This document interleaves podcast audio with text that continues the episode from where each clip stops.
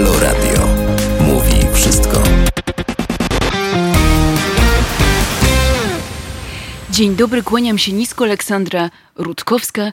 Dziś, drodzy Państwo, e, rozmawiać będziemy z Jędrzejem Czarepem, analitykiem do spraw Afryki Subsaharyjskiej w programie Bliski Wschód i Afryka, doktorem nauk politycznych, współpracujących m.in. z think tankami, organizacjami międzynarodowymi, takimi jak Rada Europy, mediami takimi jak Al Jazeera czy The Guardian, e, administracją m.in. Strażą Graniczną czy Urzędem do Spraw e, Cudzoziemców, to także wykładowca Kolegium Civitas. Prowadził badania m.in. w Sudanie Południowym, Nigerii, Tanzanii, ale dziś, drodzy Państwo, rozmawiać będziemy o Czadzie, jednym z najbiedniejszych i najbardziej skorumpowanych państw na świecie. Dzień dobry, panie doktorze.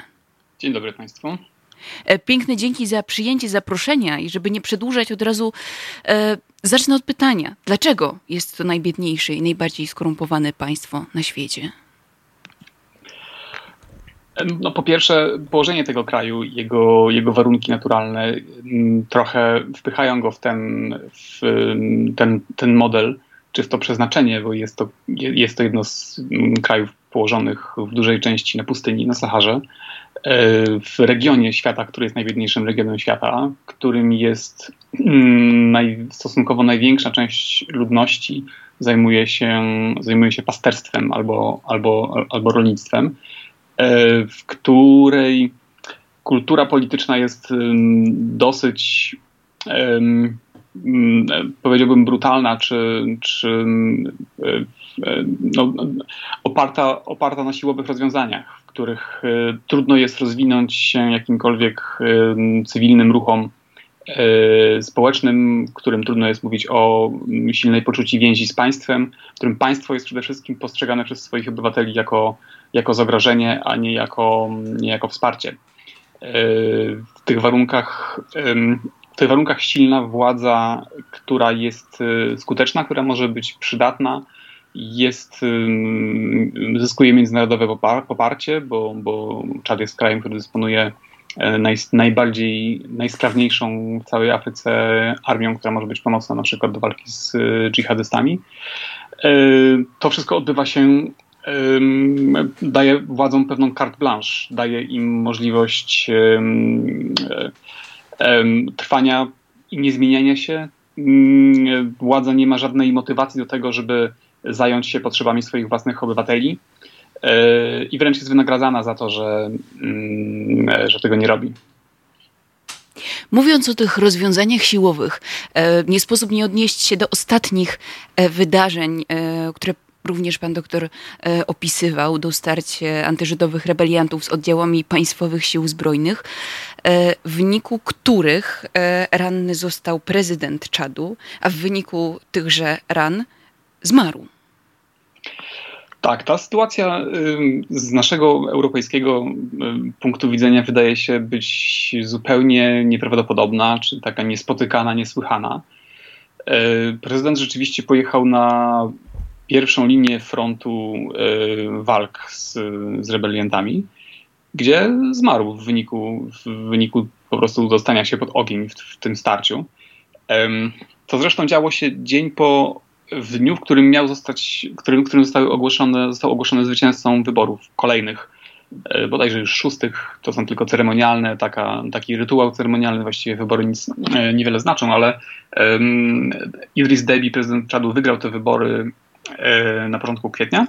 No i w dniu, w którym, w dniu czy w dzień przed swoją inauguracją, zamiast no, wystąpić przed nie wiem, w telewizji z jakimś orędziem czy, czy, czy w parlamencie do narodu, pojechał bezpośrednio od razu na, na linię frontu. Um, dlaczego, to, dlaczego to zrobił i dlaczego to takiego, do takiego wydarzenia w ogóle mogło, mm, mogło dojść? No tutaj musimy chyba znowu sięgnąć do, do takich kulturowych źródeł czy, czy, czy kontekstu kulturowego. Prezydent Czadu Idris Deby wywodził się z ludu, z grupy etnicznej Zagała, która jest znana jako jedna z najbardziej wojowniczych e, w całym, na całym kontynencie, dla której tego rodzaju zachowanie, czyli osobiste, dla której wojna jest czymś, jest czymś jakąś immanentną częścią doświadczenia każdego właściwie pokolenia, w których przywódcy polityczni są jednocześnie przywódcami wojskowymi. i w których w ten sposób się tą swoją władzę i autorytet potwierdza. Przywódcy zagałów po prostu idą na pierwszej linii frontu przed swoimi, przed swoimi pobratymcami czy przed swoimi żołnierzami i Debi jako prezydent zachowywał się dokładnie w taki sam sposób. To, to nie była zresztą pierwsza jego tego typu przygoda. Kilka lat temu, kiedy w okolicach jeziora Czad armia czadyjska prowadziła największą chyba operację przeciwko ekstremistom dżihadystycznym z nigeryjskiej grupy Boko Haram, to tam też Idris Deby osobiście brał udział w tych, w tych, w tych walkach, czy, czy dowodził nimi bezpośrednio na linii frontu. Więc dla niego to, była, to było dosyć naturalne zachowanie i taka, taki właściwie chleb powszedni, można powiedzieć. Natomiast tutaj okazało się, że pomimo tego, że to nie, była, to nie było jakieś zagrożenie egzystencjalne, ta, ta grupa, która, która dostała się do Czadu e, z Libii, raczej nie miała na tyle siły, żeby móc, żeby móc przejąć władzę w kraju, żeby dojść do stolicy i, i, i tamtą stolicę zdobyć. Co zresztą jest jedynym znanym, czy jedynym oczekiwanym sposobem zmiany władzy w tym kraju. I Debi doszedł do władzy w ten sposób i wszyscy jego poprzednicy też siłowo obalali swoich z kolei poprzedników. Tutaj takiego ryzyka chyba nie było, yy, więc ta śmierć była trochę była trochę nie, była nieoczekiwana w tym sensie, że wyszła w takiej sytuacji, która nie była dla niego aż tak niebezpieczna. Yy, ale była właściwie mu pisana. No, była pisana w, nie w gwiazdach, tylko po prostu w, w, tradycji i w tym takim cyklu, który się powtarza w czadzie. Od kolejnej rebelii yy, do przejęcia władzy w stolicy, poprzez początkowo no, obietnice otwarcia, obietnice demokratyzacji, później konsolidacja władzy w ręku, w ręku silnego przywódcy, później nowe rebelie, które w końcu zagrażają jego, jego pozycji i w końcu go, w końcu go obalają. Nawet w czadzie, w języku codziennym Czadyjczyków jest takie określenie na, to się mówi, to się można tłumaczyć jako, jako wyjść albo pójść. To znaczy po prostu oddalić się, żeby rozpocząć nową rebelię, zebrać, zebrać partyzantów, wywołać nową, nową rebelię i, e, i później wrócić e, z nową siłą zbrojną. To, to nawet, w, nawet w tym języku to, to, to wybrzmiewa taka, taka zupełna naturalność i, i normalizacja tego, tego typu zachowań co oczywiście, e, co oczywiście w żadnym stopniu nie może tłumaczyć siłowych, siłowego postępowania, w prowadzenia nowych, rozpoczynania kolejnych wojen. Nie, nie, oznacza to że, jest to, że jest to coś, co ludziom się podoba i co ludziom odpowiada. Tak po prostu jednak, e, jednak już się dzieje od bardzo dawna. I zatrzymując się przy ludziach, panie doktorze, mm, jak to życie społeczne właśnie w dobie mm, Debiego e, wyglądało? Hmm, ono. Okej, okay, zacznijmy od tego, że Debi objął władzę E, w 1990 roku, e, kiedy to siłowo obalił swojego poprzednika Hisena Abre. Hisen Abre to był taki dyktator wyjątkowy, wyjątkowo, wyjątkowo, wyjątkowo brutalny wyjątkowo źle się zapisujący w pamięci ludzkiej. Zresztą Hisen Abre został później dzięki dużemu wsparciu e, Human Rights Watch i organizacji ofiar jego dyktatury pociągnięty do odpowiedzialności, e, aresztowany w, w Senegalu i po, po, po dług, bardzo długim procesie skazany na dożywotnie więzienie, które, które odbywa w Senegalu. To był pierwszy taki, pierwszy taki przypadek po Pinochecie, po chilijskim dyktatorze, który, który wpadł w ręce e, brytyjskich, e, brytyjskich śledczych czy brytyjskiego sądu. Hisnabre był, był, był pierwszą afrykańską głową państwa, która już po po, po latach została osądzona za zbrodnie ze swojego, z czasu swojego panowania. Więc to um, odreagowanie po tamtej bardzo źle wspominanej dyktaturze, czy bardzo dotkliwej, e, no dało Idrisowi Dybiemu początkowo duży kredyt zaufania. On w swoim pierwszym wystąpieniu, kiedy pojawił się w roli głowy państwa, powiedział coś takiego: Nie przyniosę wam ani złota, ani pieniędzy, ale wolność. E, co można było rozumieć, e, rozumieć wieloznacznie. No to, to, że nie przyniosę wam złota ani pieniędzy się, się sprawdziło. No ta, ta wolność to była raczej wolność od, od tego poprzednika, od tego, od, te, od, tego, od tego systemu, który ustanowił Hisen Abre. to nie, ta, ta wolność nie oznaczała, nie oznaczała demokracji, czy nie oznaczała swobód obywatelskich. To była raczej wolność, wolność od tego, co było wcześniej. A to, że nie, nie, nie przyniosę wam ani pieniędzy, ani, ani złota, no, wybrzmiało jak taka samospełniająca się przepowiednia. Rzeczywiście Debbie nie, nie przejmował się dobrostanem ludności, przejmował się kalkulacjami wojskowo, takimi etnicznymi, plemiennymi, nawigowaniem pomiędzy różnymi sojuszami, uczestniczeniem w różnych, w różnych zawieruchach. E, to był przede wszystkim wojskowy, przede wszystkim e, jakby człowiek, człowiek walki, który nie czuł i nie rozumiał e, potrzeb rozwojowych swojego, swojego społeczeństwa. Chociaż zaczął, zaczął, trzeba powiedzieć, bardzo całkiem ciekawie, bo w momencie, chwilę po objęciu władzy, kiedy był taki, no, taki dobry moment pełen optymizmu, skoptował do swojej drużyny bardzo ciekawe postaci, takich jak na przykład znanego obrońcę praw człowieka, jednego z najbardziej znanych obrońców praw człowieka czadyjskich, Jean-Bernard Padare, albo telewizyjny dziennikarz zostali, zostali jego rzecznikami i rzecznikami partii rządzącej i rządu. Komik, popularny taki kabaretowiec został, został z kolei ministrem, ministrem młodzieży i, i prawdziwym, prawdziwym pułkownikiem e, wojskowym, a z kolei najbardziej znany e, reżyser filmowy został, został ministrem kultury. Więc zaczynało się od tego, od takiej, od takiego poczucia, że że włączamy w tryb rządów mm, ciekawe, intrygujące postaci, które no, dadzą taką szeroką legitymację społeczną. To jednak dosyć szybko gdzieś wyparowało. To, było, to była taka gra pozorów. Ci, którzy byli mniej, ci, którzy stanowili rzeczywiste zagrożenie dla, dla, dla, dla jego jedynowładztwa, zostawali, no, trafiali, e, byli po prostu eliminowani. E, A jak, panie doktorze, taka eliminacja wyglądała? Ona gdzieś e, no, rezonowała z, z, z przysz, przeszłym e, dyktatorem? To była dyktatura, dyktatura Debiego, bo tak trzeba ją nazwać, była taką dyktaturą, która się nie rzucała za bardzo w oczy. E, o ile poprzednia, poprzednia była no, no, stała się takim jednym z symboli afrykańskich, afrykańskich dyktatur. E, no, wtedy były pełne, pełne więzienia, mnóstwo osoby były torturowane w jakiś bardzo wymyślny sposób. Całe, były całe, prowadzone całe kampanie przeciwko, przeciwko całym grupom etnicznym, które, w których, w których prezydent widział zagrożenie. Tutaj, tego, tutaj w czasach Debiego tego już nie mieliśmy. To była taka, powiedzmy, że taki system, auto, taki system autorytarny, trochę bardziej trochę, trochę bardziej um, ostry, ale to nie, była, to nie była dyktatura, która zwykłemu człowiekowi doskwierała na co dzień, która, która nie wiem, y,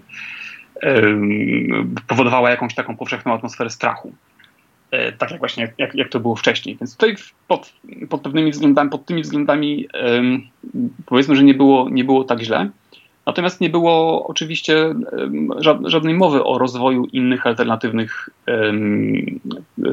instytucji, nie wiem, życia, życia publicznego, które by były e, które by były krytyczne, które by mogły proponować jakąś, mm, jakąś bardziej demokratyczną czy otwartą e, alternatywę. No, Czad to jest społeczeństwo też bardzo podzielone e, regionalnie, etnicznie, kulturowo. Południowa część Czadu, tam gdzie jest stolica kraju, N'Djamena, to jest zdominowana przez y, ludność osiadłą, rolniczą, chrześcijańską w, dużej, w, dużym, w dużym stopniu.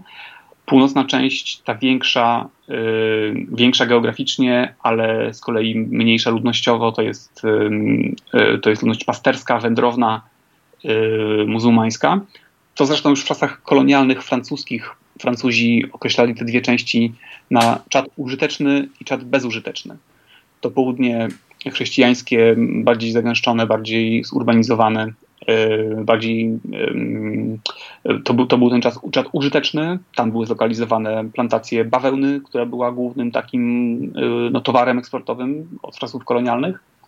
a ten czad północny, z którego wywodził się Debis. Debi, Debi jest człowiekiem pustyni, człowiekiem, człowiekiem tych, tych pasterskich, wojowniczych ludów, e, konkretnie ludu, ludu Zagała.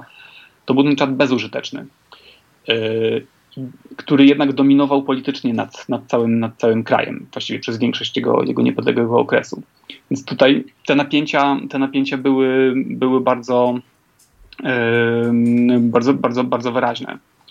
E, zresztą sam, sam, sam Debi nawet nie był, nie, nie, był do końca akceptowany przez swoją własną e, grupę etniczną, przez Zagałów. E, Zagawowie to jest mm, ludność, która jest rozsiana pomiędzy Sudanem, a, Sudanem sudańskim Darfurem a, mm, a Czadem. On się nie wywodził z z któregoś z bardziej znaczących takich szlacheckich rodów o tradycjach dużego autorytetu zagałów, więc właściwie cały czas musiał wśród swoich własnych e, ludzi e, walczyć o poparcie, czy walczyć o posłuch, czy nigdy nie był pewny, że oni się nie obrócą przeciwko niemu.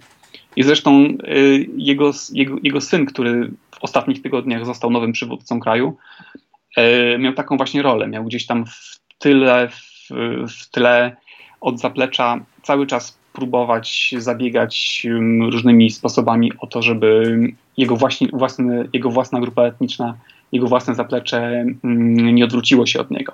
Więc czad to była polityka czadyjska i, i życie w dużym stopniu determinowała to życie społeczne, bo, bo to był ciąg, e, czy dalej nadal jest to ciąg układów, czy układania się pomiędzy sojuszami poszczególnych, poszczególnych grup etnicznych. No i tak to, do, tak to do dzisiaj wygląda. Pewne, pewna szansa na, na poprawę pojawiła się z odkryciem ropy naftowej. E, I ropa naftowa rzeczywiście. I który to był rok, panie doktorze? Zastrzyk. To było. to było około 2000 roku. Ona zaczęła być gdzieś w tej dekadzie, około 2003-2005 być, być, być eksploatowana udało się zbudować rurociąg, który połączył czadyjskie pola, pola naftowe z, no, z otwartym morzem na terenie Kamerunu. E, I ten eksport ropy był, no, dał ten zastrzyk gotówki do, do, do budżetu, który mógł zmienić zupełnie mm, zasady funkcjonowania tego kraju, mógł dać, e, dać narzędzie do, do prowadzenia działań rozwojowych. Yy, ale w żadnym stopniu Debbie z tego nie skorzystał. On z tego bogactwa powiedzmy względnego, yy, bo to też zależne, zależne było od, od, od, cen. Raz, kiedy ropa jest droga, to jest to, jest, jest, to, jest to dużo, kiedy jest tania, to, to jest to mało.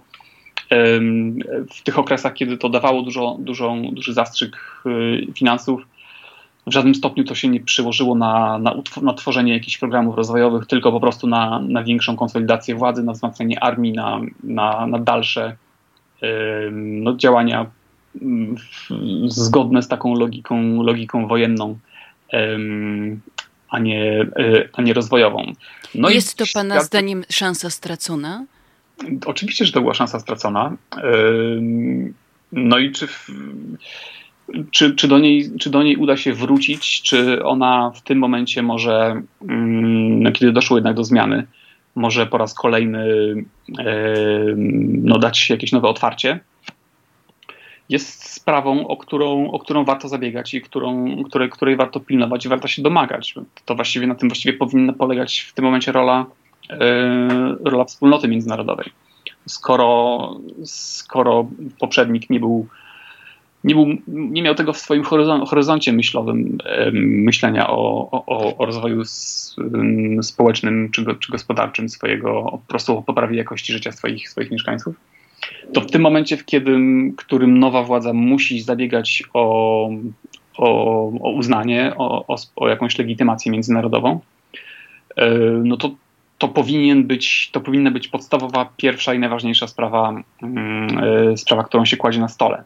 Niestety tak nie jest, dlatego że czat przede wszystkim jest dla świata ważny jako ten, który pomaga w wielu rejonach Afryki, Sahelu, Afryki Zachodniej walczyć z ekstremizmem, z bojówkami dżihadystycznymi. I to dawało przez ostatnie 10 lat Idrisowi Dybiemu pełną, pełne poparcie ze strony Francji, przede wszystkim takie poparcie aż, kujące w oczy, aż takie rażące. No, prezydent Macron był, był jedynym przywódcą zachodnim, który pojawił się na pogrzebie Idrissa Debiego i w okresie, kiedy, w momencie, kiedy on zmarł, można było słyszeć ze strony francuskich um, najwyższych przedstawicieli takie właściwie wiernopoddańcze hołdy um, składane jego, jego, jego dziedzictwu, jego, jego pamięci, a tak naprawdę jego roli w, w pomaganiu um, Europejczykom w walce z zagrożeniem e, dżihadystycznym w całym regionie. Sam czat do e, lat 60. ubiegłego wieku był właśnie mm, w zależności politycznej od Francji. To jeszcze, mm, jeszcze dodajmy, on tę niepodległość w 1960 roku uzyskał, ale żeby nie wracać tak mm, w przeszłość nie iść za daleko, zatrzymałabym się właśnie przy nowym prezydencie, synu Debiego, 37-latku, który został e, wybrany prezydentem przez, e, ogłoszono to, ogłosiło to wojsko. Tak, on nie został wybrany prezydentem. To można powiedzieć był, czy należy powiedzieć, to był po prostu zamach stanu, który nastąpił mm, w momencie, kiedy, kiedy, kiedy jego ojciec, poprzednik, e, zmarł zgodnie z konstytucją i zgodnie z, no, z zasadami, jakie, jak, jakie panują w, e, w, w, państwach rządzonych, rządzonych, rządzonych cywilnie, jego następcą automatycznie powinien zostać przewodniczący Senatu. Tak się nie stało, nikt nawet się nie pytał go o zdanie, nikt nawet nie, nie zaprosił go do, do, do tego, żeby porozmawiać o, o, o tym, o przejęciu jego roli. E, momentalnie do na scenę wkroczyli, wkroczyli wojskowi, wkroczyli oficerowie, którzy we własnym gronie ogłosili, ogłosili, ogłosili siebie samymi e, nową przejściową ekipą, a na, na przywództwo um, wyznaczyli 37-letniego właśnie młodszego Debiego. Mohamed, Mohamed Debi, znany pod, bardziej pod pseudonimem Kaka, to um, człowiek chyba trochę przypadkowy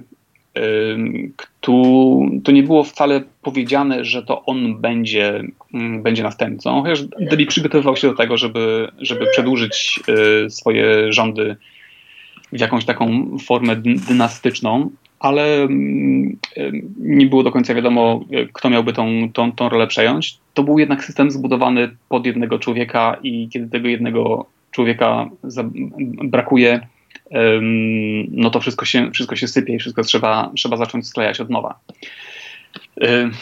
Kiedy młody Debbie pojawił się na konferencji prasowej w otoczeniu całej tej wierchu, wierchuszki oficerskiej, um, czadyjskiej, to wyglądał na, wyglądał na przestraszonego, wyglądał na bardzo niepewnego.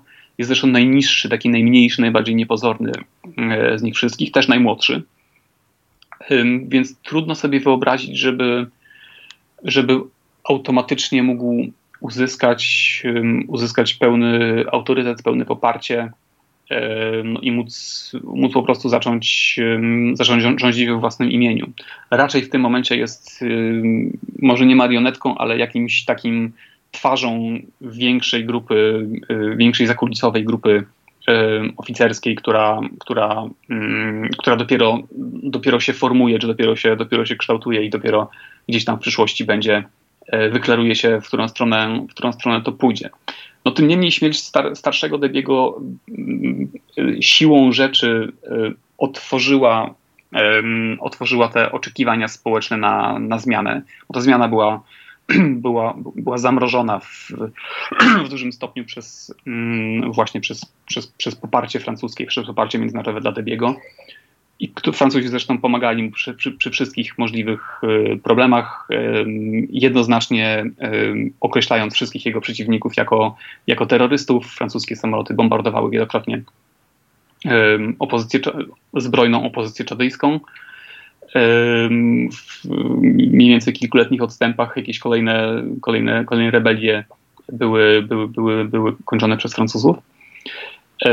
Więc to, to, to, to zahibernowało, czy zamroziło ten taki archaiczny zupełnie system, jaki, jaki w tym momencie dalej mamy w czacie. Bo czat to jest, to jest zresztą bardzo, bardzo ciekawy paradoks, bo ten czat jest, jest takim z jednej strony ulubieńcem Zachodu, czy krajem, który jest bardzo mu potrzebny, bardzo na rękę, czy, czy bardzo dobrze się z nim współpracuje, z drugiej strony zupełnie nie pasuje do, do, do, do, do dzisiejszych czasów, do, nawet do standardów regionu, w którym się znajduje, pod kątem wolności obywatelskich czy, czy systemu politycznego. Więc ten system został zahibernowany w jakimś takim w jakimś takim dziwnym, dziwnym moment, punkcie zawieszenia.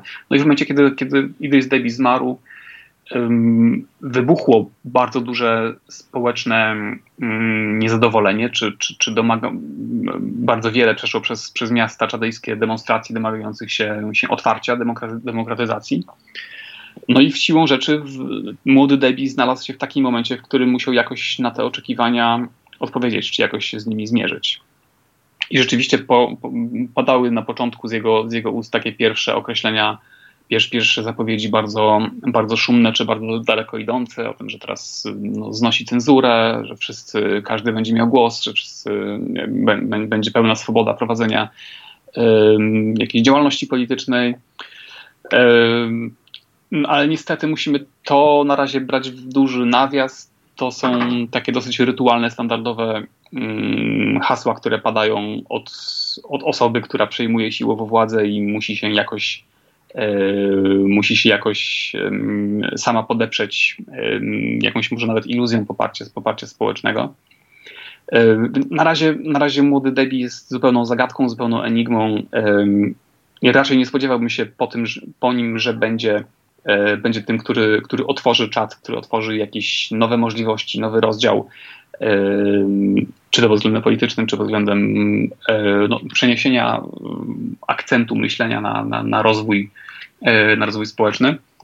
Raczej jest to, jest to po prostu kontynuacja tego, co było do tej pory. No i dopiero dopiero odejście tej ekipy mm, wojskowej, bo to też jest wymuszone przez, przez międzynarodowe zobowiązania y, wobec Unii Afrykańskiej. Y, jest to oczywiście okres tymczasowy, w którym, w którym ekipa wojskowa będzie tolerowana po, po, po, po jakimś po okresie około półtora roku. Powinno być, odbyć, tam, odbyć tam wolne wybory. Y, dopiero wtedy będziemy chyba mogli spekulować i, i zastanawiać się, czy, czy kraj skręci w jakąś inną stronę niż do tej pory czy nie. Czyli mówimy o takiej tymczasowości, jeśli chodzi o, e, o czat, że trudno jest e, też zakładać, jak ta sytuacja w przeciągu, no właśnie tego teraz już roku, bo kilka miesięcy od kiedy Kaka został prezydentem, minęło. E, pan doktor w ostatniej analizie bodaj wspomniał właśnie, że opisywał, że państwu grozi destabilizacja, która obniży zdolność do działania przeciwko bojówkom e, dżihadystów w regionie. I zastanawiam się, w jaki sposób też ten moment tymczasowy z Kaką właśnie e, może tę sytuację e, polityczną, nie tylko polityczną czatu e, no raczej, e, raczej e, pogorszyć jeszcze o tych innych kwestiach, które mogą to powodować. Jeszcze potem e, o nie dopytam, między innymi to jest, to jest klimat, ale to może na razie jeszcze chwilę zostawmy. Mm, zostańmy przy, przy polityce i tych przewidywaniach, w którą stronę czat właśnie z kaką na czele podążać może i czy właśnie to raczej, bo jeżeli nic się nie zmieni, tak jak pan doktor powiedział, czy może się pogorszyć, to znaczy, czy ta sytuacja może dla samego kraju być jeszcze bardziej niebezpieczna niż była dotąd? Y, no, może być niebezpieczna pod tym względem, że mm, tutaj jednak doszło do, do, do łagodnego czy takiego zakulisowego, zakulisowej wymiany ekipy rządzącej. Gorzej może być wtedy, kiedy, kiedy dojdzie po prostu do, do walk o które, które, które zawsze są, na które zawsze, y, na którym zawsze najbardziej, najbardziej cierpią, y, cierpią mieszkańcy, którym, którym towarzyszą zniszczenia i, i, i cierpienie ludzkie. To, to, to jest cały czas bardzo realna y, możliwość.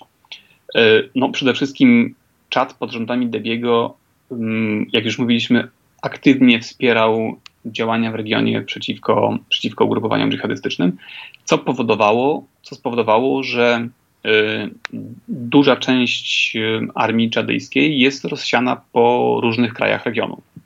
Są na przykład w północnym Mali, w błękitnych hełmach e, ONZ-u, gdzie, gdzie jako jedyni nie boją się im zapuszczać i, no, w, zaprowadzać bezpieczeństwo na najbardziej północnej części, części Mali, tej, gdzie od 20 lat, która, która była takim miejscem, miejscem, do którego zapuszczali się, e, zapuszczali się, się dżihadyści. No, Czadejczycy jako jedyni podjęli się tej roli, e, bo, bo mieli doświadczenie, mieli, mieli, też, no mieli, mieli, mieli też odwagę, mieli, mieli, mieli zdolności do tego, żeby się, żeby się w tym miejscu poruszać. E, no i w momencie, kiedy teraz, kiedy teraz zabrakło, e, zabrakło Idrisa Dybiego, a młody Kaka nie jest jeszcze pewny, czy, czy będzie mógł, czy będzie mógł, e, czy ma poparcie, czy utrzyma się przy władzy, no, bardzo logicznym z jego punktu widzenia byłoby odwołanie tych wszystkich, tych wszystkich interwencji, tego całego zaangażowania międzynarodowego i e, ściągnięcie wszystkich swoich no, pomocników w pobliże, po to, żeby umocnić swoją własną władzę i móc w ogóle myśleć o jakimkolwiek dalszym kroku. To z kolei grozi w ogóle fiaskiem całego, całego międzynarodowego przedsięwzięcia w regionie na rzecz, na rzecz walki z, z bojówkami dżihadystycznymi. To samo dotyczy pogranicza Burkina Faso, Nigru i Mali, gdzie, gdzie z kolei pod szyldem takich sił regionalnych G5, czyli sił pięciu państw Sahelu, Czadu, Nigru, Mali, Burkiny i, i Mauretanii. E, też znowu Czadejczycy jako, jako jedyni kilka miesięcy temu pojechali w najbardziej, najbardziej w tym momencie niebezpieczne miejsce w całym Sahelu, czyli właśnie ten styk granic Burkiny, Nigru i Mali. To rozciągnięcie w, w przestrzeni wielu państw sił czadejskich powoduje, że, no, że ta nowa ekipa władzy nie jest znowu aż tak dobrze, aż tak dobrze zabezpieczona, czy aż tak dobrze, aż tak dobrze chroniona. Nie może się czuć pewnie sama, sama z sobą. Zresztą ten atak, który przyszedł z, przyszedł z Libii, który doprowadził do śmierci Idrisa Debiego, dosyć przypadkowej zresztą, ale chociaż tutaj też są różne teorie na ten temat, nie, nie, nie jest wykluczone też taka wersja, że Debi po prostu pojechał tam, bo widział, że jego własna armia odwraca się plecami, rzuca broń, ucieka, nie chce walczyć, więc pojechał tam, żeby ją e, powiedzmy, że zmobilizować, mówiąc eufemistycznie. E, to, to już samo w sobie świadczy o tym, że, no, że, że, że ktokolwiek rządzi w N'Djamenie nie może być nigdy pewny tego, co, co, co dzieje się w interiorze, nie może być pewny swoich własnych sojuszników. No i młody, młody prezydent, tymczasowy wojskowy Syndebiego jest dokładnie w tej samej sytuacji, w której z jednej strony te wielkie oczekiwania społeczne, które chcą zmiany, z drugiej strony gdzieś tam niedokończona, niedokończona sprawa rozprawy z, z rebeliami zbrojnymi poruszającymi się między Czadem a Libią z trzeciej strony niepewny układ y, sojuszów etnicznych. On sam nie jest nawet w stanie zapewnić pełnego poparcia w obrębie własnej, własnego klanu, własnej rodziny. Tam jest rywalizacja pomiędzy braćmi, kuzynami. Takie, tych pretendentów do, do, do przywódca jest, jest o wiele więcej. E, więc nie jest, jest, jest, zupełnie możliwe, że w ciągu kilku miesięcy dojdzie do jakiejś skrzyknięcia jakiejś nowej rebelii, która na tej fali pierwszego rozczarowania e, społecznego brakiem, brakiem głębokich reform po prostu ruszy znowu na stolicę i, e, i spróbuje siłowo wymusić, wymusić korektę tego, tego nowego kursu, co oznaczałoby po prostu no, walki, walki miejskie. To czyli to jest kluczowe, my nie mówimy tak naprawdę tylko sytuacji Czadu, czyli tak naprawdę całego regionu, bo, bo to znaczenie regionu, jest potężne. Czad, jest, Czad, jest, Czad dlatego zyskał, miał, taką, miał taką pozycję wyjątkową międzynarodową, do tego, że uważany był za, za, za zwornik całego regionu. Jeśli popatrzymy sobie na mapę, na otoczeniu Czadu mamy właściwie same państwa niestabilne, znajdujące się w jakichś kryzysach, stanach, stanach rozkładu, czy, czy, czy, czy, czy gdzieś na granicy, na granicy upadku. Czad był uznawany za ten stabilizator, za to ostatnie, za ten taki brakujący puzzle łączący, trzymający jakoś w kupie jeszcze cały ten, cały ten region. Jeśli Czad by się, by się zestabilizował, to trudno by było nad tym wszystkim zapanować. Właściwie byłaby to już taka, byłaby to już taka pędząca, pędząca w, dół, w dół lawina, której nie można zatrzymać. Więc to poparcie dla stabilności Czadu, jakkolwiek by ona nie wyglądała, było z punktu widzenia mm, świata zachodniego, zwłaszcza Francji, no taką, taką, taką wartością samą w sobie i taką, taką nieprzekraczalną linią, taką świętością. To, to, to dlatego przecież Francuzi, prezydent francuski e, no, składał niemalże hołdy e, dosyć, dosyć takiemu operetko, prawie że operetkowemu dyktatorowi Idrisowi Debiemu, człowiekowi jakiś wyjętemu z zupełnie innej epoki, zupełnie nieprzystającemu do, do, do, do dzisiejszych czasów składał te, te, te wyrazy, te wyrazy jakiegoś niesamowitego oddania, dlatego że uznawano, że, że stabilność czadu jest najważniejsza dla utrzymania w ryzach całego regionu. E, a ta stabilność dzisiaj jest rzeczywiście nie jest, nie jest pewna, może się posypać w każdej chwili. I, nie, musimy... tylko poprzez, nie tylko poprzez politykę. Mm, panie doktorze, bo drodzy Państwo, Jezioro Czad, stąd się wzięła nazwa państwa, o którym dziś rozmawiamy, to jest największy zbiornik wodny w kraju i drugi pod względem wielkości w całej Afryce. A ostatni raport e, ONZ-u e, z takim mocnym zdaniem. Przemoc wzrasta, gdy jezioro Czad powoli wysycha. To jest jezioro, które dostarcza wodę ponad 20 milionom ludzi, ale ta nadmierna konsumpcja i rosnące temperatury powodują, że jezioro wysycha. Więc nie tylko polityka jako taki motor e, przemocy, ale, ale też ta sytuacja klimatyczna może wpłynąć na pogarszającą się m, sytuację też społeczną i być może być takim kolejnym zarzewiem do no właśnie niepokojów czy, czy, czy chaosu, destabilizacji. Oczywiście. Zmiany klimatyczne są, są w tym regionie świata w ogóle najbardziej odczuwalne na świecie. Dzisiaj no, u nas możemy w takim europejskim czy zachodnim dyskursie to jest cały czas trochę, trochę gdybanie, trochę, trochę taka sprawa hipotetyczna. To zagrożenie widzimy, ale ono może jeszcze nie jest aż tak namacalne.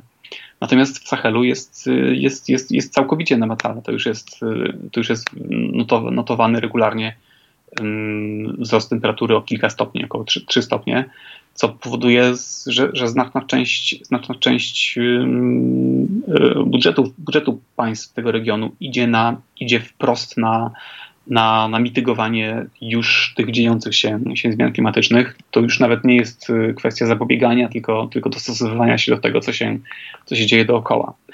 E, więc Czad jest też na przykład takim jednym z tych krajów, przez które miałby przebiegać tak zwany wielki, wielki zielony mur, czyli, czyli taki mm, pas zieleni, pas odbudowanej y, zieleni, który miałby się rozciągać między Oceanem y, Atlantyckim a Oceanem Indyjskim, który miałby dać ten, ten, ten postawić po pierwsze tamem przeciwko dalszemu pustynnieniu, y, przeciwko posuwaniu się pustyni, pustyni na saharyjskiej na południe. Po drugie, dać dać możliwość też złapania, złapania trochę innego kursu, kurs, kursu rozwojowego, miałby przynieść taki dosyć szeroki, szeroki naturalnie utrzymujący się rezerwuar prowadzenia, prowadzenia zrównoważonego rolnictwa, zaangażowanie ludności, ludności lokalnej i po prostu utrzymywanie, utrzymywanie samo takiej samowystarczalnej gospodarki żywnościowej. To są, to są rzeczy, które brzmią trochę jak jakaś fantastyka, ale w tej części świata są, są zupełnie podstawowymi takimi sprawami, które, które, które trzeba zrobić, żeby w ogóle myśleć o jakiejś sensownej, sensownej przyszłości. I co jest chyba tak. też ważne, warto dodać, że żaden inny kontynent mniej nie przysłużył się do, do konsekwencji, z jakimi zmierzymy się jako glob, jak właśnie kontynent afrykański, a on najsilniej, tak jak pan doktor właśnie e, mówi, najsilniej to odczuwa. To od razu nasuwa się takie pytanie, no, co jakby inne kontynenty, które jednak najbardziej wpływają na tę sytuację, winny zrobić w jakiś sposób e, i czy jest jakakolwiek perspektywa właśnie na, na przestrzeni e, dyplomacji, żeby, mm, żeby tę sytuację w Czadzie stabilizować. To znaczy, żeby z tymi problemami, których będzie więcej, jakoś skutecznie się e, mierzyć z taką też e, silną e, władzą, ale jednocześnie też nakierowaną na obywateli. No tak, oczywiście, to, to nie ma od tego wyjścia. To jest jakby kwestie klimatyczne są w tym momencie w, w Afryce elementarną częścią jakiegokolwiek programu politycznego, czy jakiegokolwiek podejścia do takiego, do, do, do, do projektowania, do myślenia o przyszłości poszczególnych państw czy regionów z jednej strony jest to, jest, jest, jest to oczywiście wielkie zagrożenie, ale z, z drugiej strony bardzo dużo się w tym momencie um, myśli, działa i przygotowuje na przykład w, na przykład w, w zakresie rozwoju um, rozwoju energii odnawialnej. Afryka jest jednak, czy choćby taka Sahara jest miejscem, w którym y, jest bardzo duża możliwość rozwoju fotowoltaiki której powstają w wielu państwach afrykańskich powstają takie gigantyczne farmy, mm, farmy fotowoltaiczne, które z kolei miałyby, miałyby zapewnić dostęp do, do energii, do prądu mieszkańcom, mieszkańcom tych, tych regionów, o których mówimy. A na przykład taka, taka ta właśnie inicjatywa, o której mówiłem, tego tak zwanego Wielkiego Zielonego Muru, czy, wielkiego, czy, taki, czy raczej pasa zieleni, nie miałaby szans powodzenia, jeśli miejscowa ludność nie będzie miała dostępu do prądu, dlatego że nie mając dostępu do prądu, będą, będą skłonni. Będzie bardzo prawdopodobne, że, że poszukując drewna na opał po to, żeby po prostu sobie palić pod, w kuchni, będą sięgać po te drzewa czy po te rośliny, które się, które, które, które, które będą sadzone. E, więc żeby e, to wszystko jest z sobą połączone, nie można e, myśleć o kwestiach ekologicznych w oddzieleniu od sytuacji społecznej, od sytuacji, sytuacji ekonomicznej ludności, od kwestii kulturowych i od, i od kontekstu politycznego. To, to, to, to właściwie jest um, główna bolączka, czy główny problem myślenia europejskiego, czy w ogóle, czy szerzej świata zachodniego um, o Afryce, które, które zbyt często, zbyt często się gdzieś tam zamyka w takim, w takim myśleniu typu projektowego. E, czyli ktoś ma jakiś pomysł, e, jakiś budżet, e, datę rozpoczęcia, datę zakończenia. Od, od, od szczytu do szczytu jest jakaś, jakaś polityka, która, która realizuje 100 projektów, które później które później okazuje się, że nie ma komu kontynuować, albo że, że były gdzieś tam zawieszone w, zawieszone w oddzieleniu od szerszego, od szerszego kontekstu. To problemy ekologiczne, ekonomiczne, społeczne, mm, polityczne muszą zawsze iść w pakiecie, muszą być z sobą nawzajem spójne i, i pasować do siebie. Nie, bo nie może jeden działanie w jednym kierunku nie, może, nie możesz znosić drugiego nie ma, nie będzie powodzenia ekologii bez poprawy, bez poprawy mm, jakości życia, bez poprawy możliwości ekonomicznych dla, dla, dla, dla mieszkańców. To jest bardzo trudna mhm. perspektywa i bardzo trudne, trudne środowisko do działania, dlatego że no, żeby, żeby być w stanie prowadzić tak kompleksowe myślenie i tak kompleksowo działać, trzeba jednak mieć też oparcie, w, znaleźć, znaleźć też zrozumienie w, po stronie rządu, choćby Republiki Czadu, a żeby takie, takie zrozumienie i taką dalekosiężną, daleko, dalekosiężne myślenie o, o, no, o przyszłości swojego kraju e, rozwinąć, trzeba, trzeba jednak też pewnej zmiany mentalnej, zmiany, zmiany pokoleniowej, zmiany w w myśleniu o to, czym jest państwo, czym powinno być, do czego one może, może służyć. Jak na razie mm, tej zmiany nie widać. E, ulica tej zmiany oczekuje, ale mm, dopóki nie pojawi się, no, dopóki ten kraj będzie dalej rządzony przede wszystkim z, z punktu widzenia logiki wojskowej, to nie spodziewałbym się, żeby doszło do przełomu. Panie doktorze, jeszcze mm, ostatnie pytanie pozwolę sobie mm, zadać, trochę odchodząc od tego, co, mm, co było przedmiotem naszej, e, naszej rozmowy. Mm, bo mówimy o ulicy, która, która oczekuje. Ta ulica jest wielonarodowa, wielokulturowa, wielojęzyczna, e, niesamowicie różnorodna. Mm, I chciałam zapytać właśnie o, te, o to mm, o tę kulturę czadyjską, która no jednak nie jest e, globalnie dość, e, dość znana. Też e, mm, funduszy brak na działania tej maści. Oczywiście są inne problemy, więc ta, ta kwestia kultury schodzi na bok, ale, ale no, to, to, jest istota też tego, tego państwa, chociaż państwo też jest sztuczną strukturą, umówmy się. Więc gdybyśmy na moment zatrzymali się właśnie nad tą, nad tą różnorodnością tego mm, punktu na mapie świata, który wykracza poza granice państwa? Hmm. No, Czad jest, y, tak jak wiele państw postkolonialnych, w jakimś stopniu, w jakimś stopniu tworem sztucznym, ale jeśli patrzymy sobie troszkę na historię tego regionu, to, to nie do końca, dlatego że teren, ter, terytorium Czadu to właściwie było do, do, do, XIX wieku, do przyjścia, do przyjścia Francuzów. Tam był szereg, szereg takich wielo, bardzo długo działających e, o bogatej historii, bogatej tradycji państw przedkolonialnych. To było choćby Imperium Kanem, czy Imperium Bornu, czy, czy, czy takie, tak się nazywa, nazywa się taką łączoną nazwą Kanem Bornu. To było państwo, które działało praktycznie od średniowiecza, czyli od VIII-IX wieku do, do, do XIX, czyli przez, przez tysiąclecie które łączyło jeź, ok, obszar jeziora Czad z, na północ do dzisiejszej Libii, czyli od Nigerii do Libii, e, w dużym stopniu pokrywając się z dzisiejszymi granicami Czadu.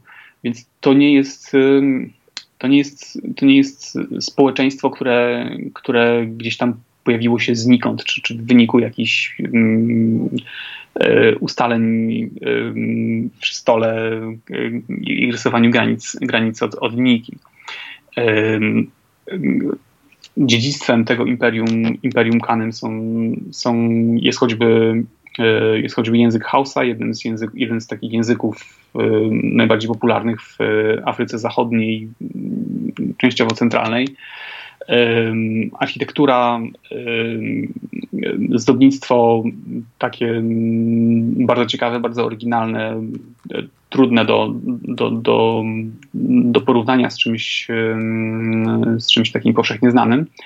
To jest w dużym stopniu społeczeństwo wymieszane podobną kulturowo do, do, do sąsiedniego Sudanu, do, zwłaszcza do Darfuru. Na przykład bardzo dużą rolę odgrywają, odgrywa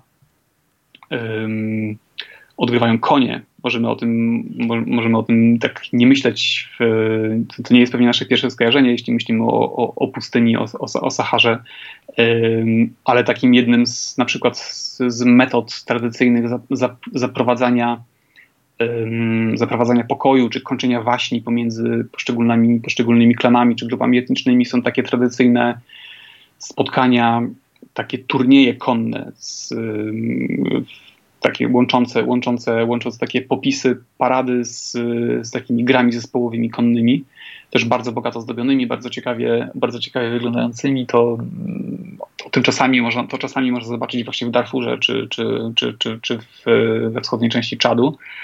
Um, jest to, no, jest to, jest to bardzo, bardzo takie intrygujące połączenie, połączenie kultur takich stricte już środkowoafrykańskich e, z, mm, z pustynnymi, będącymi pod, pod, wpływami arabskimi czy pod wpływami, pod wpływami właśnie tych, tych tradycji wędrownych, nomadycznych. To jest też szlak karawan, jeden z, jeden z e, klasycznych, oprócz może tych najbardziej znanych, mm, z łączących, przechodzących przez malijskie Timbuktu czy, czy przez Niger gdzieś do Algierii, to też y, między jeziorem Czad a, a, a wybrzeżami, a terenem dzisiejszej Libii czy, czy dalej Egiptu, to był też jeden z, jeden z takich klasycznych e, szlaków karawan, więc to, był też, to jest też teren, przez który przechodziły, przechodziły, przechodziły pielgrzymki. E, to był też szlak pielgrzymi, pielgrzymów do Mekki, który z kolei przez, przez Czad przechodził do, albo do Sudanu, w stronę, w stronę, w stronę Półwyspu Arabskiego albo z kolei na północ, żeby wybrzeżem Morza, Morza, Morza Śródziemnego poruszać się dalej. Więc na, całym, na całych tych szlakach, czy dawnych karawan, czy szlakach pielgrzymkowych też pozostawały, pozostawały, mm, pozostawały no, takie ciekawe ślady, ślady kulturowe. Można tam znaleźć takie zagubione społeczności, które gdzieś tam pojawiły się w którymś momencie historycznym, gdzieś tam na tej wędrówce się zagubiły, zostały yy, i tworzą do, tworzą do tej pory takie bardzo ciekawe yy, kulturowe enklawy. Więc jest to, jest to miejsce bardzo, bardzo bogate pod względem kulturowym.